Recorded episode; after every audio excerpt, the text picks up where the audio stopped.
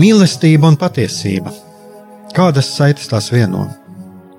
Mēs esam cieši saistīti pirmkārt ar sevi, ar savu būtību, un arī ar pārējo pasauli, ar līdzcilvēkiem, ar sabiedrību. Kur ir mūsu vieta šajā pasaulē? Kā mums katram atrast savu patieso aicinājumu un vietu? Kā sasniegt savas dzīves piepildījumu, mīlestību? Kādi šķēršļi gan mūsu sirdī un prātā sastopamie, gan ārējie aizķēso mūsu ceļu pie Dieva? Šie jautājumi ir mūsu dzīves sastāvdaļa, svarīgi mūsu ceļā uz svētumu. Meklēsim šajā raidījumā kopā atbildes uz šiem jautājumiem. Ieklausīsimies, ko Dievs mums vēlas pateikt ar visu, ko sastopam savā dzīvē. Lai mūsu sirds un prāti atveras mīlestībai un patiesībai, raidījums mīliet cits citu.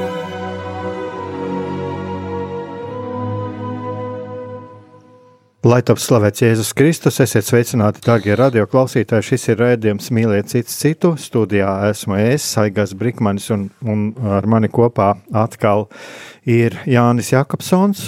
Un eh, mēs eh, turpināsim to jau, ko mēs sākām jau. Eh, patiesībā es domāju, to, ko mēs jau sākām pagājušajā sezonā, un ko mēs sākām un ko, ko mēs turpinām Šajā, šajā sezonā tas ir Dievs mūsu dzīvē, un arī par šiem eh, garīgajiem un psiholoģiskajiem aspektiem mūsu dzīvēm. Un kā jau mēs eh, pagājušā raidījumā jau runājām, šodien mūsu temats būs par to, kā, nu, ko Dievs vēlas šeit, šajā brīdī, šajā vietā, un tagad jāskatās, es vēl, es vēl kā Jānis pieminējās, es vēl tā pierakstīju. Un, un es domāju, mēs pieskarsimies arī tām jautājumam, vai tad mēs varam pateikt, ko, vai mēs varam pateikt cilvēkam, mm, ko Dievs vēlas, vai nevaram pateikt, ko Dievs vēlas viņa dzīvē. Jo es domāju, ka mums ir bieži vien arī mūsu pašu dzīvē mēs to nezinām, un tas arī savā ziņā prasa pazemību, ieklausīšanos sevī par ko jau mēs arī esam runājuši ne vienu reizi vien. Un tagad man uzreiz arī jautājums ir Jānim. Skatos, viņš arī ir kaut ko sagatavojis. Jā, sveicināt, darbie radio klausītāji. Man liekas, ka tas, ko mēs ar tevi, Eigari, šeit jau otro sezonu kopā uh, vēlamies uh, īstenot, un ko mēs īstenībā īstenojam, tas ir parādīt to, ka uh, psiholoģija nav pretinieks garīgumam, un garīgums nav pretinieks psiholoģijai, ka viņi nav konkurenti, ka viņi viens otru papildina, un mēs redzam arī to, ka, diemžēl, mūsdienu realitāte ir tāda, ka, mm, vai arī par labu, nevis diemžēl, bet ka mūsu realitāte ir tāda, ka mūsu sabiedrība ļoti attīstās, cilvēki, teiksim tā, vēl vairāk evolucionē savā prātā, jā, tiek izdomāts dažādi veidi tehnoloģijas, visāda veida pakalpojumi, mārketings, uz katra stūra mēs saņemam visādus kairinājumus, jā, un tas, protams, mūsos rada trauksmi, jo sākotnēji cilvēks bija uh, radīts pavisam citai videi. Cilvēks dzīvoja, uh, rupi sakot, uh, mežā, klajā laukā, kur viņš bija starp dzīvniekiem. To mēs arī zinām no svētajiem rakstiem. Un tikai pamazām vēlāk jau sāka būvēties dažāda veida pilsētas, bet jā, mēs šodien esam tur, kur mēs esam, un es domāju, mēs varam būt pateicīgi Dievam par tām daudzām svētībām, kuras mūsdienās ir pieejamas, kuras nebija, teiksim, senākām paudzēm, bet mēs arī šajā gadsimtā noteikti sastopamies ar daudziem izaicinājumiem. Un viens no šiem izaicinājumiem ir tas, kā mm, attīstīt ne tikai savu garīgo pasauli, bet arī būt līdzsvarā ar savu psihisko līdzsvaru. Jā, te es domāju, ka arī tu esi to lasījis. Tu, protams, pagājušajā redzējumā arī runāja par to, kā mūsu smadzenes darbojas. Un, un ir jau arī tie pētījumi, ka, ka patiesībā daudzas lietas, kas notiek mūsu, mūsu reakcijas. Un mūsu straujās reakcijas, un vispār kā mēs uztveram to, kas ir apkārt, ka tas daudz kas nāk tieši no tā laika, ka mēs, mūsu senči dzīvoja mežā, Jā. un ka vienkārši mūsu mums ir ļoti svarīgi saprast šos mehānismus, kā viņi darbojas. Un kas attiecās uz šīm tehnoloģijām, tad mēs, protams, varam būt pateicīgi, pateicīgi tam, kad viņas ir, jo nu, arī šis pats radio darbojas pateicoties šīm tehnoloģijām, un uh, arī šis Covid laiks. Patiesībā arī šajā Covid laikā mēs tomēr neklātienē varējām būt misēs, mēs varējām arī savās kopienās uzturēt sakarus. Tā kā es domāju, ka e, viena lieta, kas uzreiz mums ir jāsaprot, ka tās spējas, tie talanti, kas ir iedoti e, tiem cilvēkiem, kas ir radījuši šīs tehnoloģijas, tas, to, no nu, es to citādi nevaru teikt, kā arī tas ir tas, ko Dievs ir devis, un ja mēs šo pareizi, protam, izmantot, tad mēs arī spējam saskatīt šo Dieva dāvanu arī caur šīm tehnoloģijām, caur to, caur tām Mm, iespējām, kas mums ir šajā laikā dotas. Jā, es tev pilnīgi piekrītu. Tas ir tas, ir tas ko mums vajag izmantot un ko mēs arī izmantojam. Tas, manuprāt, tiešām ir tāds liels, liels cilvēces panākums vispār tas, ka uh, Pēdējo, pēdējos divus gadsimtus mums ir, principā, vienu gadsimtu jā, mums ir pieejama elektrība un uh, mums parādījās dažādi tehnoloģijas, tikai jautājums, kā mēs šo visu lietojam. Un, uh, jā, tas, tas, tas parāda to, ka ir daudz ļoti labu lietu, kuras mēs ikdienā varam saskatīt, par kurām mēs varam būt pateicīgi, jo uh, īstenībā es tā biju tādās dažās pārdomās, pirms kāda laika es iedomājos to, kā cilvēki dzīvo kaut vai pirms 200, 300 gadiem. Es iedomājos to, ka, uh, pieņemsim, ārā ir ziema, es esmu rīdzinieks, un pulkstenis 5 vakarā. Ko tas nozīmē? Tas nozīmē to, ka ielas praktiski ir tumšas. Jā, tur bija kaut kādas lāpas, tur bija kaut kādi lukturi, bet, nu, būsim reāli, tā gaisma nebija tāda kā šodien, ja, kas spīd uz mūsu ielām. Un tas pats, teiksim, kad ārā bija kaut kāds sals, un tad bija vēl krietni augstāka laika nekā tagad, nevar nemaz salīdzināt, kā tagad ir ziema un kāda bija agrāk. Un kad cilvēkiem uh, bija ļoti jāparūpējas par to, uh, kā tad viņi sasildīs savu namu. Tas nebija tā kā uh, Rīgas siltums vienkārši paņems tagad ieslēgs oktobrī karsto, ja, un visi, visi mēs jutīsimies silti un mājīgi. Tā kā uh, Manuprāt, ir ļoti daudz lietu, par ko var pateikties. Un šeit mēs, protams, atkal sastopamies ar to, ko mēs runājām iepriekšējā raidījumā, ka, uh, lai šī pateicība būtu tāda īsta un autentiska, lai viņa nāktu no mūsu sirds dziļumiem, uh, mums ir, uh, protams, jāsaprot, kādās mēs esam attiecībās ar Dievu. Un to, kādās mēs esam attiecībās ar Dievu, uh, mums nevienmēr ir viegli saprast un nodefinēt, jo tam var būt daudz dažādu uh, psiholoģisku, traumatisku iemeslu sekas, teiksim tā. Jā, nu runājot par pilsētām, te vēl varētu pieminēt arī visus sanitāros stāvokļus un tā tālāk šīs, šīs infekcijas un, un visas tās problēmas, kas bija.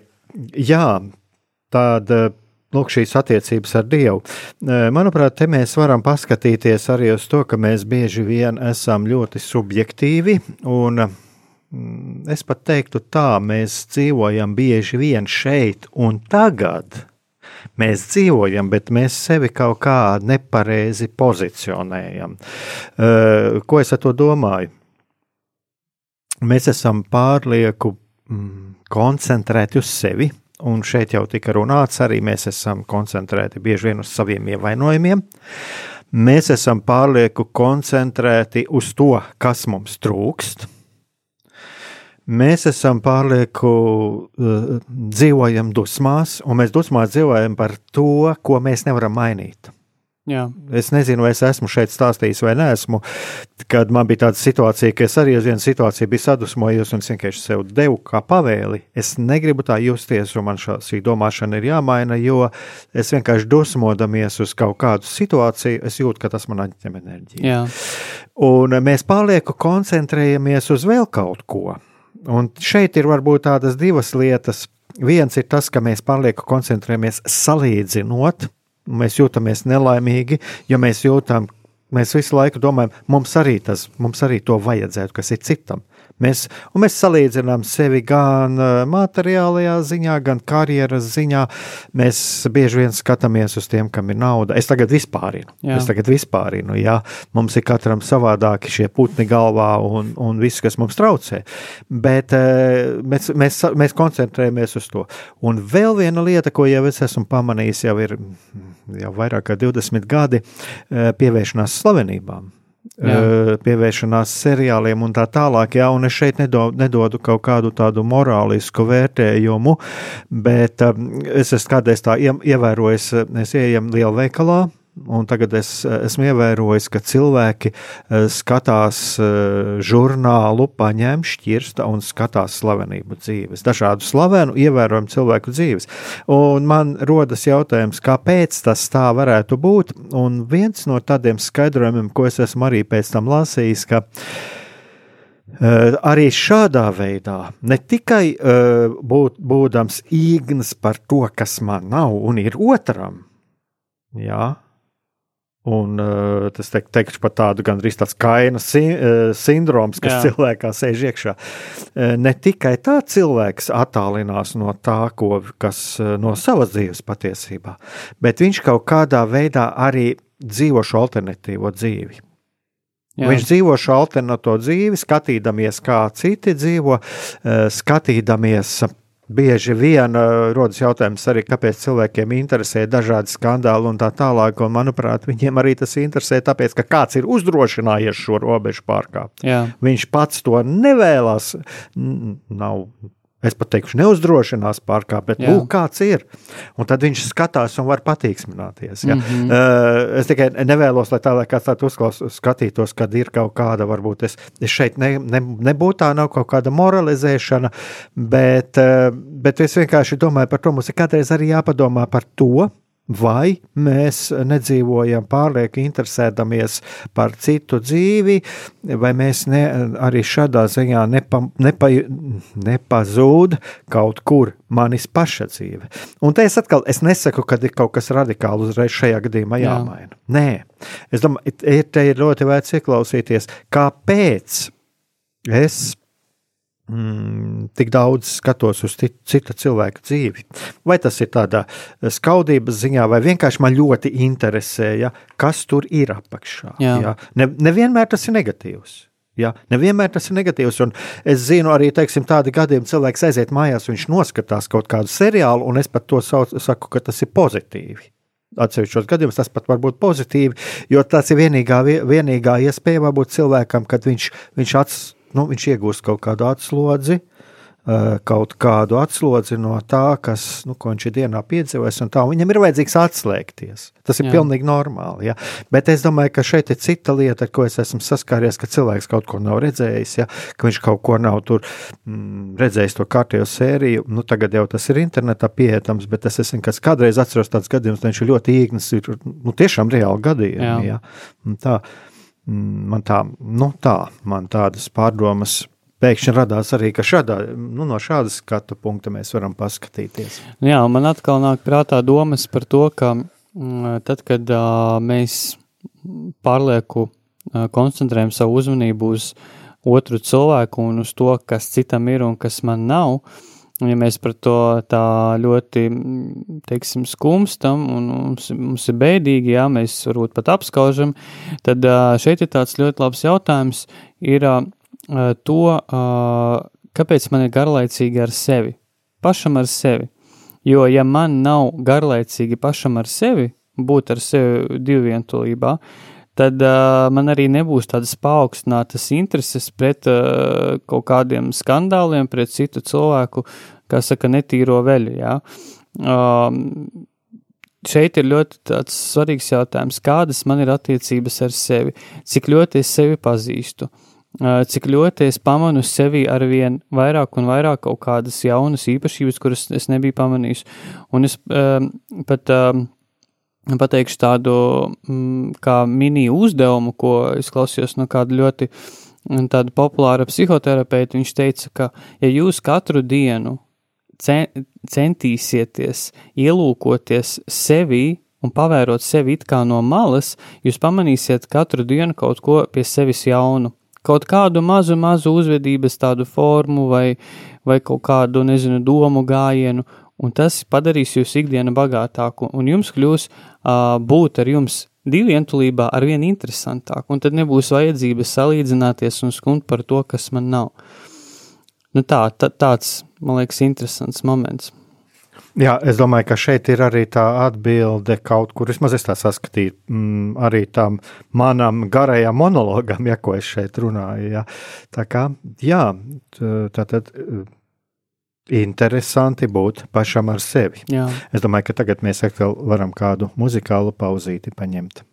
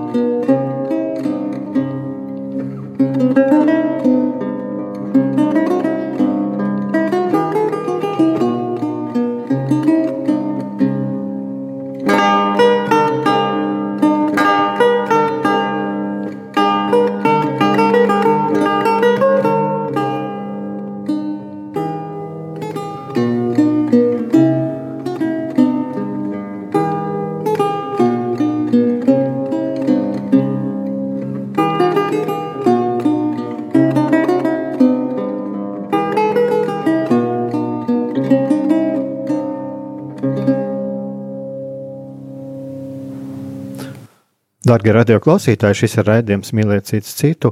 Un um, mēs ar Jāni šeit uh, pirms muzikālās pauzes. Jānis runāja par to, ka ir, uh, ir, ir uh, ļoti interesanti pat pabūt ar sevi. Un man šķiet, ka šeit jau ir arī tā, tā lieta, tad, kad mēs esam ar sevi un kad tas mums kļūst interesanti un kad mēs pamanām tās izmaiņas sevī tad mēs arī caur to mēs pamanām Dievu savā dzīvē, un tur arī mēs pamanām, jo vairāk mēs mums kļūst interesanti ar sevi, jo mēs esam vairāk arī spējīgi ieraudzīt to, ko Dievs šajā brīdī vēlas mums pateikt. Es domāju, ka tas ir, tas ir ļoti būtiski. Jo, ja mums ir interesanti būt ar sevi, eh, tad mums ir arī interesanti ieklausīties savās izjūtās, savās vēlmēs. Tas ir tieši tas, par ko mēs jau esam šeit jau runājuši, ja, kad eh, caur tām vēlmēm jau arī ir tas, kad, kad Dievs caur to mums, mums runā. Jā, un šeit uh, atkal mēs atduramies pēc uh, šo slaveno tādu, uh, nevis slaveno, bet svarīgo uh, momentu, kā uh, sevis pieņemšana, Jā, kā mācīties sevi pieņemt un mācīties sevi pieņemt, manuprāt, tas ir tāds visa mūža darbs, kur būs uh, kritieni un klupieni, bet uh, arī manā pieredzē um, sevis pieņemšana, viņi ir ļoti dziedinoša. Uh, mums, protams, ir katram vēl ceļš ejams, lai sevi arvien vairāk un vairāk pieņemtu, un arī man ir jāmācās lietas, kurās man sevi joprojām jāmācās pieņemt, bet es redzu to, ka uh, Mm, salīdzinot, teiksim, ar uh, iepriekšējiem uh, dzīves gadiem, kaut kādas situācijas, kurās es varbūt uh, būtu pret sevi bargs vai reaģētu ļoti tā asi un, un, un kritiski, tad šobrīd šādās situācijās varbūt es spēju jau balansēt tā uz tādas neitrālas nots, kas atkal atspēlējas uz manu garstāvokli, ka viņš nav tik, teiksim, sabojāts, jā. Ir atkal, protams, situācijas, kurās es jūtos, nu, ka, vēl, ka vēl ir jāaug. Jā. Um, un uh, šeit, man liekas, ir tāds arī moments, ka um, tās lietas, kas mūsu dzīvē atkārtojas atkal un atkal, par to mēs arī, man liekas, jau bijām runājuši, ka ir svarīgi novērot, kāpēc mūsu dzīvē arī atkal un atkal turpinās tas ierastais tāds ritenis, ja, kurā mēs, kā, pa kuru mēs skrienam, skrienam, skrienam, un it kā tad, kad mums kaut kas notiek uh, nepozitīvs, ja mēs tā kā atskatāmies, kā tas varēja notikt, ar mani tas jau ir bijis. Un tad mēs jau pasakām, ne, ar mani nākamreiz tā nebūs. Es vairāk šādi nesagrēkošu, es vairāk šo vārdu nepateikšu, es šo darbu vairs neizvēlēšos, un tad mēs atkal sevi atrodam tādā pašā situācijā.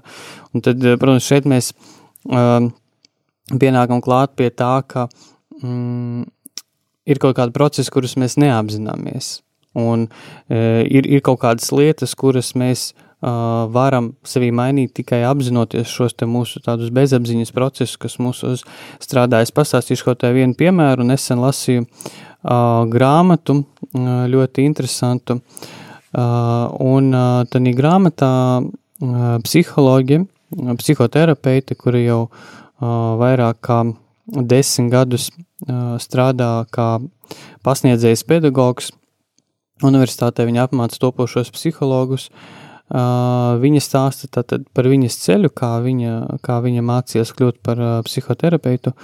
Un viņa stāstīja, kā vienā no tādiem terapijas grupas treniņiem viņa satikās ar savu skolotāju, kas atbrauc pie viņiem uz pilsētu, un tie bija 90. gadi, un tad psiholoģija tikai Krievijā tur attīstījās.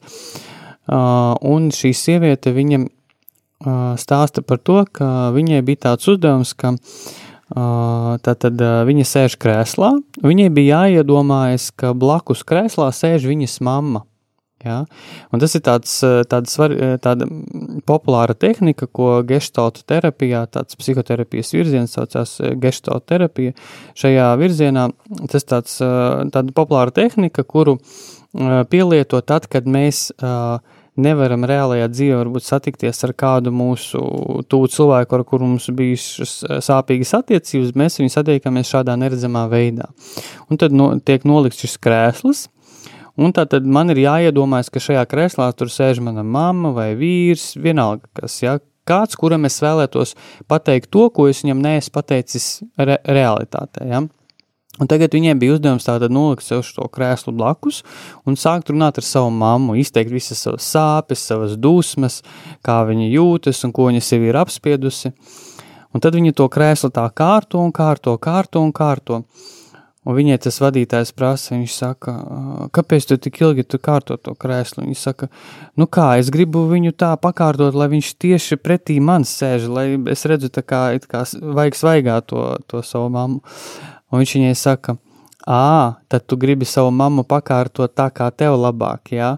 Un viņai bija šoks, viņa tajā brīdī saprata, ka viņas uh, zemapziņā sēž tāda, mm, tāda nostādne pārliecība, jā, ka, uh, ka viņai ir jāpakārto cilvēki pēc sava prāta, un ja viņu kāds uh, nepieņem, vai kāds uzvedās tā, kā viņa, viņai tas nepatīk, viņa to nevar pieņemt. Un to pašu viņa dara ar, arī ar savu mammu, un tas, ka viņa centās tur pakārtot šo krēslu, tas arī to parādīja. Tikai viņa to neapzinājās, un tad viņa atnāca tas, tas vaļā, ka, o jā, tiešām, es, es tā rīkojos ar savu mammu, un šeit uzreiz uh, viņa salika to kopā ar to, ka ja viņa nespēja pieņemt to, ka citiem cilvēkiem var būt savs viedoklis, savas pārliecības, ne tādas kā viņai, viņa saprata arī, ka viņa nepieņem daudzas lietas sevī. Kā tad, kad viņa rīkojas varbūt ne tā, kā viņa gribētu, viņa sevi ļoti nosoda un, un tā tālāk. Un tas viņai, tas viņai nes kaut kādu dziedināšanu. Tā kā man, manuprāt, tāds interesants piemērs. Mm, jā, nu tādas, tādas divas lietas, ko es pamanīju no tevis teiktā. Viens ir tas, ka uh, Mm, bieži vien mēs e, kaut ko darām, mm, neapzinoties e, šos cēloņus. Ja mēs neapzināmies, ka mēs izdarām kaut ko, nu, kaut ko nepareizi, un, bet mēs e, apņemamies, apņemamies to vairāk nedarīt, bet tā kā mēs neapzināmies šos cēloņus, tad mēs krītam vēl atkal šajā bedrē, un tālāk tad jau nāk vēl viena lieta, tad nāk arī šī vainas apziņa. Un tad uh, vēl lielāka sevis tiesāšana. Jā, bet ir, ir ļoti svarīgi apzināties to. Un otrs ir tas, ka ir arī tā tevis min, minētā metode, kas arī var parādīt kaut ko, kāpēc es jūtos neapmierināts, kāpēc man pasaule visa reizēm var likties kā ienaidnieki. Jo mums ir vienkārši bieži vien ir ļoti grūti pieņemt eh, to, ka varbūt kaut kas savādāk, gribās izmi, iz, izmisīgi, gribās pakļaut sev. Jā. Pakļaut procesus, pakļaut cilvēkus savai gribai, Un patiesībā tādā ziņā mēs esam kaut ko ļoti, ļoti nelaimīgi, jo mēs dzīvojam tādā pastāvīgā stresā. Un šeit es atkal varu pateikt, atkal mēs nedzīvojam savu dzīvi. Jā. Jā, pirms mēs paturpinam, darbie radioklausītāji, es jums arī vēlos nodiktēt mūsu SMS numuriņu studijā. Jūs varat sūtīt jūsu jautājumus jums ir kāds interesants jautājums, vai jūs vēlaties varbūt arī pat ar kaut ko padalīties, jūsu pieredzi, tad jūs droši varat rakstīt uz 266 77 272 un vēlreiz nosaukšu 266 77 272. Un es skatos, jā, ka mums bija arī atnākusi īziņa iepriekšējā raidījumā, tikai mēs nepaspējām viņu nosīt. Tad mēs raidījuma beigās varētu to jautājumu nosīt, kas mums bija jā. atsūtīts.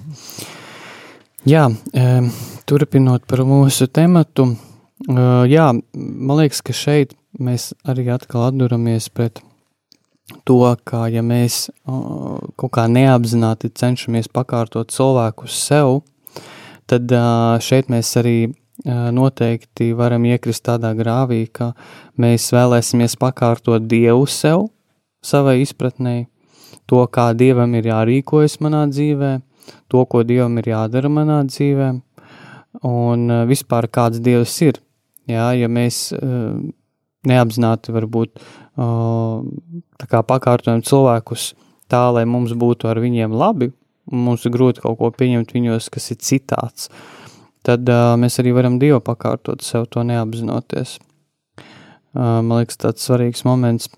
Un uh, šeit arī uh, šajā saiknē starp to, ka mēs varbūt nepieņemam citu cilvēku dažādību, mēs, uh, mums arī grūti atvērties pašiem uz dažādību, būt dažādiem, būt uh, vairāk tādiem varbūt kā saka, fleksibliem, ja, tad pieņemt dažādus lēmumus, spēt ātri reaģēt uz dažādām nestandarta situācijām, attīstīt sevi kaut kādu radošumu.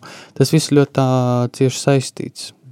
Es domāju, ka šeit mēs varam arī atgriezties pie tā, arī pāvests runā par šo iziešanu no tiem cietokšņiem, iziešanu pasaulē. Un es domāju, ka šī arī ir ļoti būtiska lieta, ka mēs varam iziet pasaulē tikai tad, ja mēs esam spējīgi pieņemt to, ka pasaulē arī ir citādāk domājoši, ka arī citādāk eh, ir citādāk cilvēki. Un, un ir vēl viena tāda ļoti būtiska lieta, kas arī, es domāju, ka tu piekritīsi, un arī psiholoģijā par to runā, ka mūsu nespēja pieņemt uh, otru, pieņemt uh, citādāku viedokli, bieži vien tas tur var apakšā slēpties mūsu pašu vājā ticība. Uh, mums ir bail, ka sagrau, sagraus to mūsu cietoksni, ko Jā. mēs esam, mēs esam paši uzbūvējuši. Un šeit man liekas, ir tas, ko es pašā sākumā teicu, ka vai mēs šeit abi varam pateikt cilvēkam, kā viņam atrast dievu savā dzīvē. jo, jo tā, man liekas, tā ir viena tāda Viena tāda ļoti liela problēma ir cilvēkiem, kas, kas ir ļoti reliģiozi un ļoti pareizi. Jā. Bet šo pareizumu man mazliet gribās likt pēdiņās, jo, jo es domāju, ka mēs katrs sevi pieķeram un kā kaut kādas garīguma, reliģiozitātes formas, kas mūs var baidīt citos. Un eh, mums var būt kaut kāds priekšstats par Dievu, nu, mums var būt kāds priekšstats, kā, kā, dievam jā, kā dievam ir jārīkojās mūsu dzīvē, bet arī citu dzīvē. Un, un šeit ir arī ir kādreiz tas risks, ka mēs it kā evanģelizējot, it kā mēs ejot cilvēkus evanģelizēt patiesībā, no sevišķi, ja cilvēks ir uh, ar savu ievainojumu, ja viņš nāk pie mums, un, un cilvēks var nākt meklēt palīdzību baznīcā, viņš nāk meklēt palīdzību pie kristieša, viņš nāk ar savu ievainojumu, viņš tajā brīdī ir vājš, un mēs patiesībā viņam nevis e, palīdzam atrast dievu. E, viņa Jā. dzīvē, bet mēs ieliekam viņā kaut kādu savu priekšstatu par Dievu. Jā. Un es domāju, ka šeit ir jābūt arī mums ir ļoti uzmanīgiem, jo tas attiecās ne tikai uz mums pašiem, kā mēs redzam Dievu, ar ko mēs dzīvojam, bet tas eh, attiecās arī uz to, eh, ko mēs, mm, kas ir tas, ko mēs nesam citiem, ko mēs pasniedzam citiem. Un eh, vai tas tiešām ir tas tā, tām cilvēkam paredzētais ceļš, ko mēs, Jā. ko mēs viņam pasniedzam. Un, un patiesībā ir viena tāda lieta, ka mēs jau arī nevaram neko pasniegt cilvēka garīgajā dzīvē, viņa paša.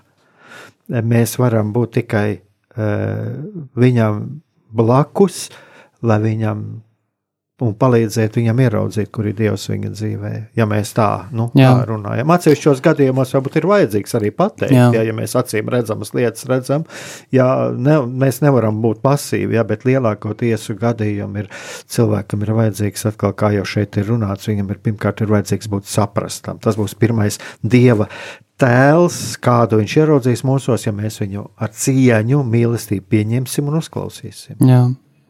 Runājot par tādu, varbūt tādu neirotisku religiozitāti, kura izpaužās varbūt tādā, teiksim tā, neveselīgā veidā, tad šeit ir tāds moments, ko es iedomājos, un es arī atceros to tā, tā, tādā savā ticības pieredzē, ka tajos pirmajos gados, tad, kad tu atgriezies pie Dieva, vismaz man tā ir bijis, uh, Es biju tā ļoti, ļoti dedzīgs uz to, lai bezmazliet katram garām gājējiem pastāstītu par to, ka Dievs viņu mīl, ka Dievs ir labs un ka viņam ir vajadzīgs Dievs. Un, eh, protams, tas ir brīnišķīgi visā kopumā, un, un mums ir jāsludina labā vēsts. Mēs arī jau par to esam šeit ar Aiga runājuši. Tas ir bez šaubām. Kristus pavēle neviens nav atcels un neviens arī nevar atcelt.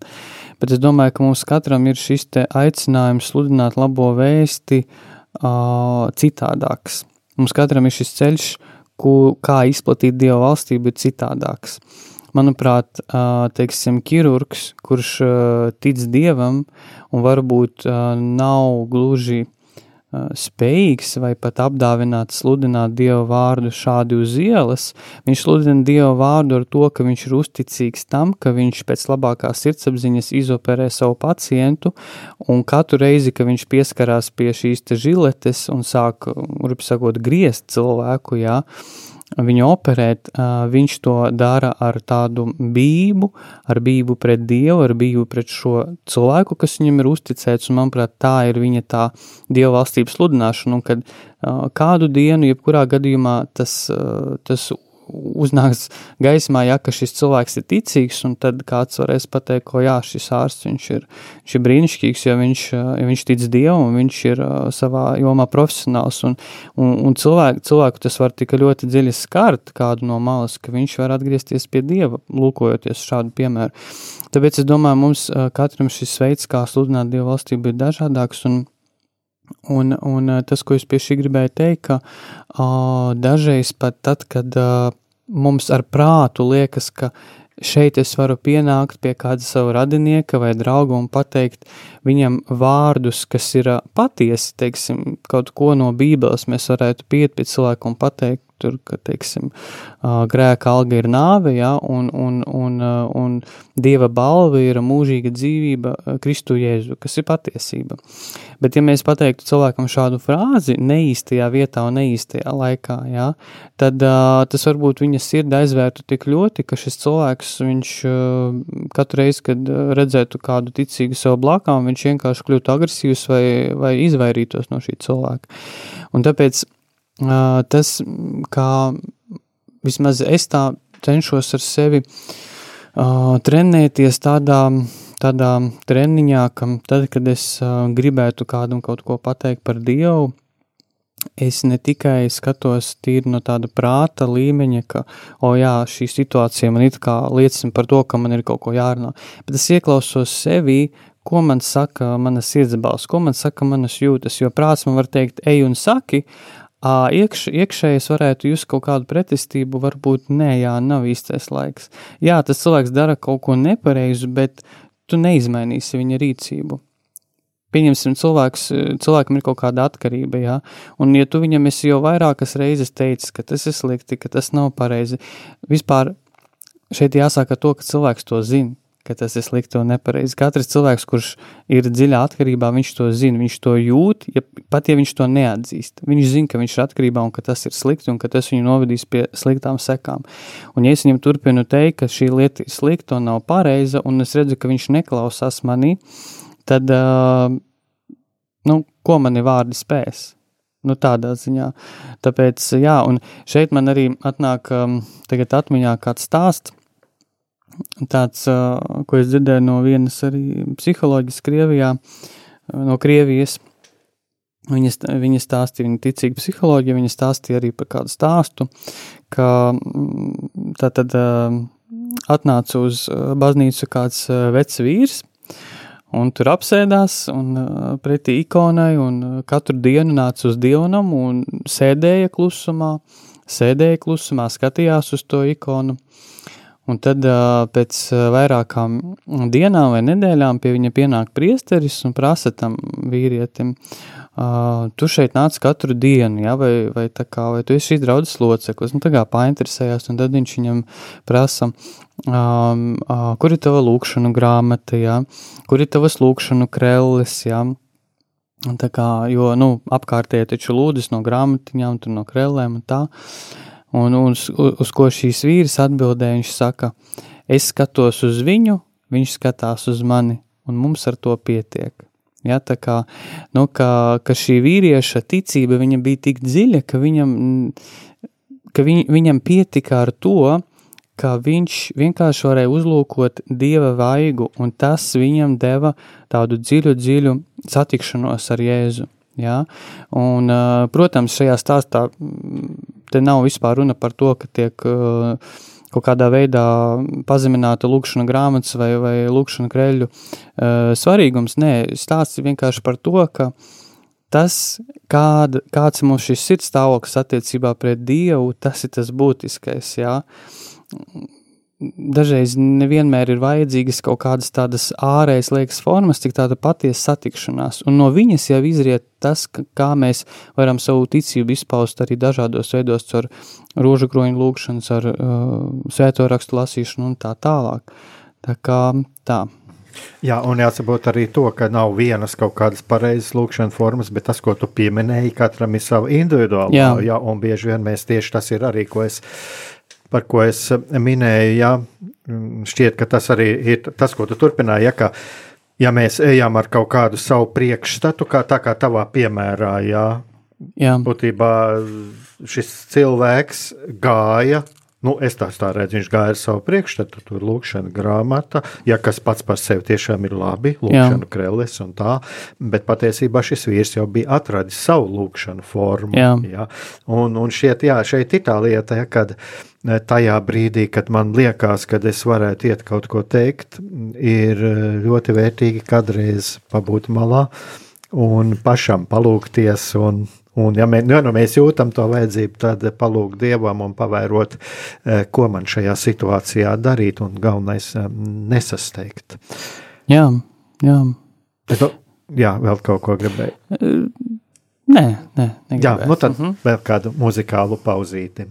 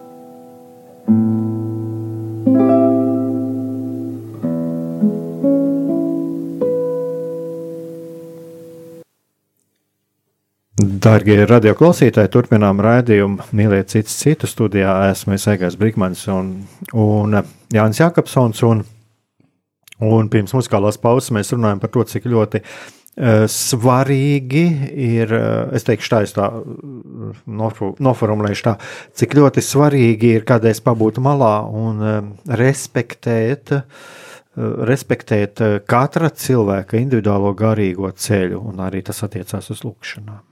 Jā. Jā, tā kā, tā kā vēlreiz tādu izdarot tādu kopsavilkumu, ja, kā, jā, tāda, kad mums šķiet, ka mēs varam kaut ko pateikt, pateikt cilvēkam, kad vajadzētu viņam kaut ko pateikt, ir, ir svarīgi zināt arī, zināt arī to, vai ir šajā brīdī ir jēga teikt, vai nav, un kā, kādā atsevišķā brīdī, un sevišķi jau runājot par grēku, kā tu minēji. Jā, Jā runājot par grēku, e, un sevišķi jau tādā atkarības brīdī, nu, cilvēks jau zina, ka viņš ir šādā stāvoklī, jā. Jā, un pieminēt vēl grēku, viņš tiešām var aiziet no baznīcas, un, un, un tad viņam ļoti grūti atgriezties. Mēs varam ievainot, mēs varam ievainot cilvēku arī pat pat eh, izmantojot Bībeles pantus. Jā, noteikti. Un, eh, manuprāt, eh, šī te tevis minētā otra cilvēka pieņemšana, um, protams, arī pieņemt otru, tas arī tāds, manuprāt, specifisks vārds pieņemt otru. Un, un šeit mēs arī varam daudz ko runāt, ko nozīmē pieņemt otru. Bet uh, es domāju, ja mēs katrs sevi dziļi ieklausītos savās uh, sajūtās, savās jūtās, uh, savā sirdsbalsī, tad mēs saprastu, kā mums konkrēti pieņemt šo otru cilvēku. Kas ir tas, ko man ir jādara, lai šo cilvēku pieņemtu, kā izpaudīsies manis pieņemšana, mana pieņemšana. Un, un pieņemšana dara tiešām apbrīnojamas lietas, pieņemšana dara varenas lietas, jā. Tā kā tas tāds mm, interesants uzdevums, ko iemācīties gan ar sevi, gan ar apkārtējiem pieņemt otru cilvēku. Nu jā, un ja tā pieņem, lai mēs pieņemtu, mums ir viena lieta jāapzinās, ka arī, arī mēs paši esam arī grēcīgi, arī mums ir uh, savi putni. Jā, un uh, es domāju, ka tā kā katram cilvēkam tas ir līdz pat mūža galam, jo nu, nu, nepavelti arī svētais tēvs iet pie greksūdzes. Jā. Jā. Tā kā tas nav tā, ka mēs te arī šeit tagad radio runājām kā kaut kādi guru, ja mēs esam katrs savā, katrs savā, mm, savā garīgajā, garīgā ceļa posmā, un es domāju, ka tikai Dievam ir skaidrs un tikai Dievs redz, kā, cik tālu mēs katrs esam tikuši savā izaugsmē. Jā. Varbūt mēs varam tad nolasīt iepriekš iesūtīto uh, īziņu mums studijā. Jā. Mēs saņēmām iepriekšējā raidījumā jautājumu, uh, un jautājums skanēja šādi. Uh, kāpēc alkoholiķa sieva jūtas kā apkrāpta, kaut tas tā arī nav? Katreiz, kad vīrs piedzeras, paldies! Tad, es, kā es sapratu, šis jautājums ir sekojošs. Kāpēc tad sieviete jūtas tā, it kā viņa būtu apkrāpta, kaut faktiski vīrs viņu nekrāpj, Bet tad, kad viņš ir tad, alkohola reibumā, siev, sieviete jūtas tā, it kā vīrs būtu viņu apkrāpis. Kādas tev domas, Egar, par šo nu, jautājumu?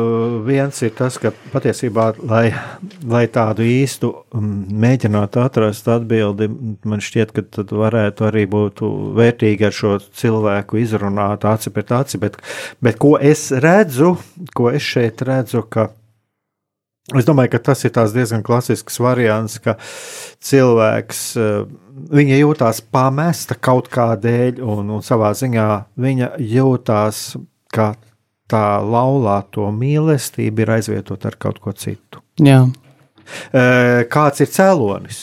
To mēs nezinām. Jā. Jo katrā ziņā arī šis vīrietis, viņš arī kaut ko kaut ko sāpīgu sevī cenšas uh, apslāpēt savu šo alkoholu. Ja, bet pirmais, ko es tā jūtu, ka tur ir uh, viņa jūt to, ka tā vieta, kas pienāktos laulībā, viņa ir aizvietota ar kaut ko citu, kas nebūtu nav arī labs. Jā. Jā.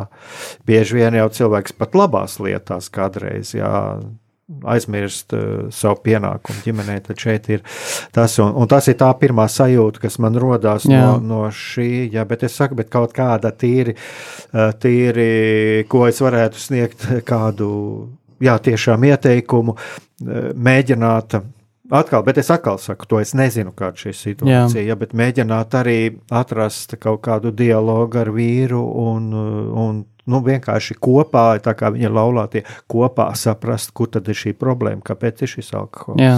Jā. Es domāju, ka tas ir tas.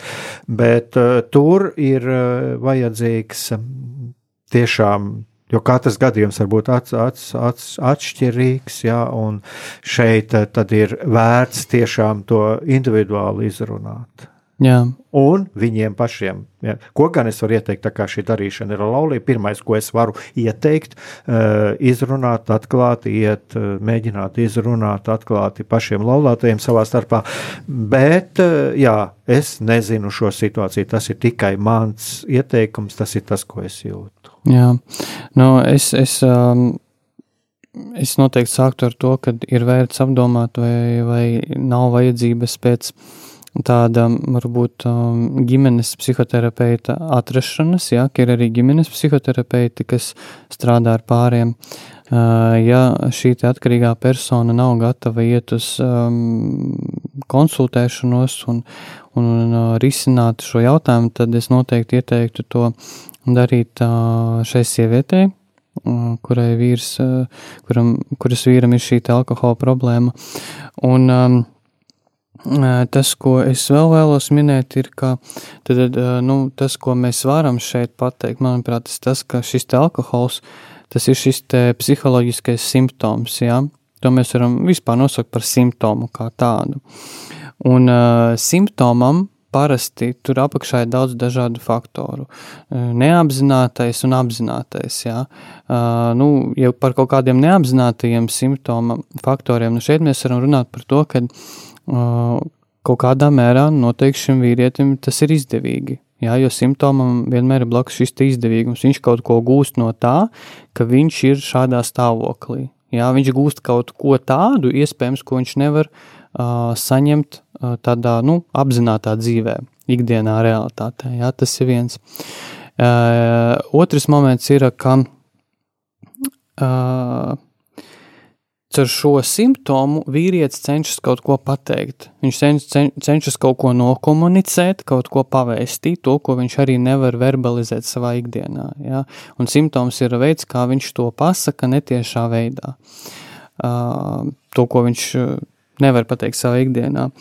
Uh, otr, tālāk tas, kad uh, ir noteikti kaut kādas spēcīgas jūtas, jo, ko nozīmē piedzerties? Piedzerties, tas nozīmē atslēgties no realitātes, jā, tā kā var teikt, uh, uzvilkt citas brilles, jā, nebūt šeit un tagad, un kāpēc? Tāpēc, ka cilvēkam pilnīgi iespējams ir kādas spēcīgas jūtas, kaut kāds spēcīgs pārdzīvojums, kurš viņam ļoti ir sāpīgs. Un tā kā viņš ikdienā nevar sastapties ar šo faktu, ar šīm sāpēm, viņš viņus nevar vienkārši pārvarēt šobrīd, uh, viņš sāk uh, atslēgties no realitātes ar šo atkarību. Un atkarība viņam kļūst kā tāds, nu, tāds tāda laika anestēzija, ja, lai vienkārši nesatiktos, ar tām spēcīgām jūtām, kas slēpjas aiz šī alkohola. Alkohol, alkohols tas ir tikai maska, un aiz viņas ir kāds patiesa iemesls, kādēļ cilvēks bēg prom no šīm savām spēcīgām jūtām, no spēcīga pārdzīvojuma. Uh, un pēdējais, um, manuprāt, ir um, svarīgi to, ka uh, saprast, ja mēs nevaram izmainīt kaut kādā mērā ietekmēt otru cilvēku, jā, teiksim, mēs redzam, ka viņam ir atkarība, mēs viņam piedāvājam palīdzību, viņš atsakās, viņš nevēlas ar mums iet uz kontaktu, uh, tad es esmu ļoti pārliecināts par to, ka tad, kad mēs sāksim uh, nopietni strādāt ar sevi, notiks izmaiņas. Kaut kādas izmaiņas notiks simtprocentīgi, jo uh, mums jāsaprot, ka tad, kad satiekas divi cilvēki, satiekas divas sistēmas. Tas nozīmē, ka mēs katrs nākam no kaut kādas vides ar mūsu uh, senčiem, ar viņu kaut kādu konkrētu dzīves filozofiju, nostāju, uzvedību, ieradumiem, kaut kādiem tikumiem, netikumiem un tā tālāk. Un tas, kā mēs tiekam audzināti, tas ietekmē mūs, un tālāk tas ietekmē to, kā mēs izvēlamies savu partneri.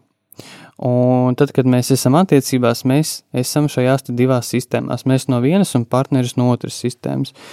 Un ja mūsu uh, otra puse, teiksim, ir atkarīga no alkohola, tad, uh, ja es to pamanu, un es sāku strādāt ar sevi, tad es tā kā izēju ārā no šīs sistēmas, kurā es esmu šobrīd, un šī sistēma ir atkarība un līdzatkarība. Ja es esmu līdzatkarīgs pie cilvēka, kuram ir atkarība, un ja es izēju no līdzatkarības sistēmas, tad vai nu šis cilvēks man nāks līdzi, un mēs dzīvosim veselībā, vai nu, diemžēl, nu, mums būs, mums būs mums būs jāšķirās. Jā. Tas ir tas, ko tu iesaki šai sievietei. Jā, nu, no, tas ir tas, kur iziet no šīs uh, līdzatkarības. Tas, tas varbūt ir tāds vispārīgs. Jo es saku, mēs jau neesam, jā. jāsaka, mēs neesam tur klāti, jā, jo tāpēc es saku, tas ir tikai tāds. Es noteikti minu vienkārši dažādus variantus, kas tas varētu būt un kuros virzienos ir iespējams skatīties, bet kas konkrēti šajā gadījumā, to es simtprocentīgi nevarēšu un neviens nevarēs pateikt, jo tas ir tiešām individuāls darbs. -hmm. Jā, jā. Tā, tā, tā, tā, tā, tā tad kopumā tas bija, tas bija adresēts šai sievietei, ja šī strādāšana ar sevi. Virzienu, jā, jā. To viņa var jau sākt jau tagad, jā. jau to virzienu, ja, jo, jo, ko es arī pateicu, šeit ir otrs cilvēks, un mēs jau, viņa ir devusi šo signālu, jā. kad viņa nav apmierināta, bet mēs nezinām kaut kā otrs cilvēks jā. uz to skatās, ja. Tāpēc es domāju arī, jā, vēl viena iespēja šis ģimenes psihoterapeits, par ko tu runāji. Jā, es skatos, mums jau ir jau raidījums, raidījums jau tuvojas noslēgumam, un vismaz man tā šķiet, ka mēs patiesībā arī šo tēmu par Dievu, par Dievu šeit un tagad jau esam pieskārušies, un iespējams, ka mēs varam arī nākamajā raidījumā to turpināt. Jā. Jā, jo man ir eh, tomēr arī tāda vēlēšanās mazliet parunāt par to, ka mēs varam būt arī dažādās dzīves situācijās, nevis tā kā mēs sev pozicionējam, bet tiešām reāli mēs varam būt dažādās, dažādās dzīves situācijās un kā tad ieraudzīt Dievu. Jā, Jā. Es domāju, ka mēs, mēs nākamajā raidījumā turpināsim un tagad tiešām, lai mums, eh, mums visiem ir Dievs blakus un viņš mums blakus ir, bet lai mums viņu izdodas ieraudzīt. Un jā, uz tikšanos nākamajā reizē. Visu labu!